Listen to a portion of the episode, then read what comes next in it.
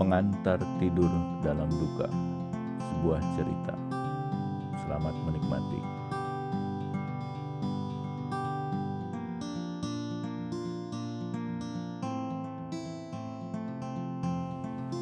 Ditinggalkan karena masih hidup. Hari ini, pagi 9 Maret 2019. Di tanggal cantik ini, kehidupan semakin hidup.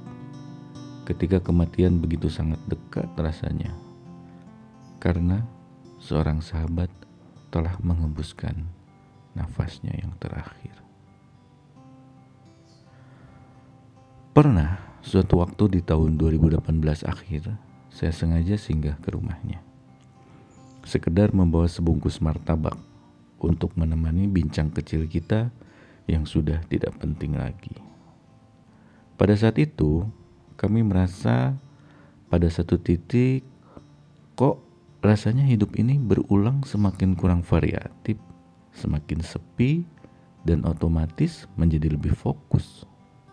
Fokus mencari apa yang sudah pernah kita lakukan, dan tentu saja karena kita ingini demi menyambut masa depan yang misterius. Habis dua potong martabak kemudian, saya bergegas lagi mengejar kesibukan. Tempat singgah. Ya, rumahnya, kamarnya adalah tempat saya singgah. Meletakkan sebentar semua pikiran menjadi lanturan tak beraturan. Sebentar saja, tanpa perlu saling memberatkan pikiran masing-masing. Tidak Dulu sekali, kita memang sering bertukar pikiran, memiliki ketertarikan yang sama, dan mencoba menyatukan visi dalam mencari arti tentang kesadaran. Kita melakukan berbagai macam eksperimen bersama, mencari fasilitator dan juga mentor. Disebut tidak berhasil, tetapi saya kira ada hasilnya. Disebut berhasil juga tidak bisa karena semuanya menjadi hal yang terlalu subjektif, sehingga akhirnya hanya disimpan di ingatan kita masing-masing, dan kadang menjadi bumbu yang selalu menarik di setiap canda dan tawa saat kita berjumpa atau pada saat berkirim pesan pendek. Kadang tidak perlu diungkapkan, cukup dengan menyapa dan tertawa dengan kekhasan masing-masing, rasanya sudah cukup membuahkan sebersit calon kebahagiaan atau inspirasi buat nanti. Beberapa kali saya pernah mengalami hal ini, satu hal yang sungguh biasa terjadi, manusiawi, sangat-sangat hidup banget lah. Tetapi rasanya selalu di luar nalar dan berakhir luas biasa terngiang-ngiang. Terucap kata yang biasa saja, tetapi jadi luar biasa mendalam ketika diasosiasikan dengan hal yang sepertinya sama sekali tidak berhubungan.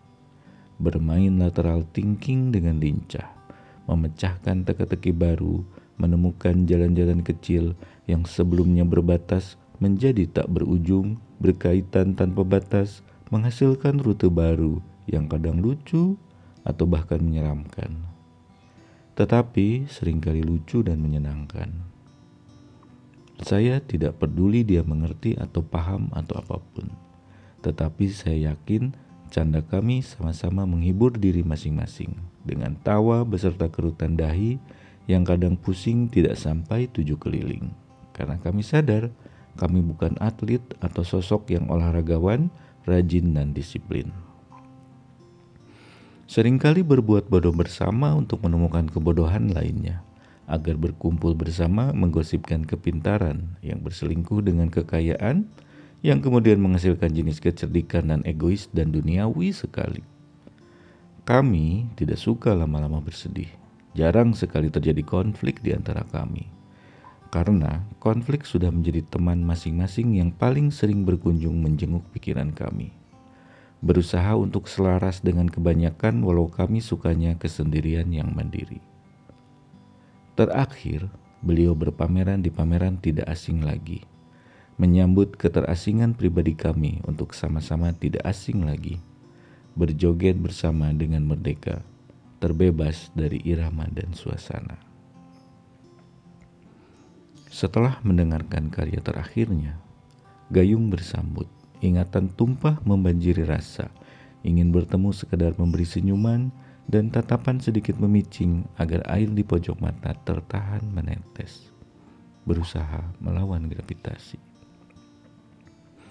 Serius bukan main. Jadi apa tuh? Tanyaku. Ya nggak tahu. Kemudian tertawa kecil sambil berkata, Eh, tapi bisa jadi main dengan serius, jadinya pasti nggak serius. Cobaan gerak. Penggalan akan hayalan model pembicaraan kami kalau dia masih bernafas. Kira-kira begitulah tidak pentingnya obrolan kami yang sering kali berlanjut menjadi sapaan akrab di antara kami saat bercanda. Kalian mungkin tidak mengenalnya, atau bahkan mungkin tidak perlu mengenalnya saya hanya ingin kalian tahu kalau dia teman yang membuat saya melupakan sejenak keterasingan dalam keseharian yang biasanya begitu. Tidak lama juga tidak sebentar, tidak banyak kebersamaan kami, tapi juga tidak sedikit keselarasan rasa dan pikiran kami. Tidak apa-apa, saya baik-baik saja. Hanya sedikit sedih karena perasaan saya bilang begitu. Tulisan ini bukan tulisan perpisahan, lebih ke tulisan melantur untuk mengantar agar saya bisa tidur nyenyak melewati hari-hari menunggu seperti saat ini, saat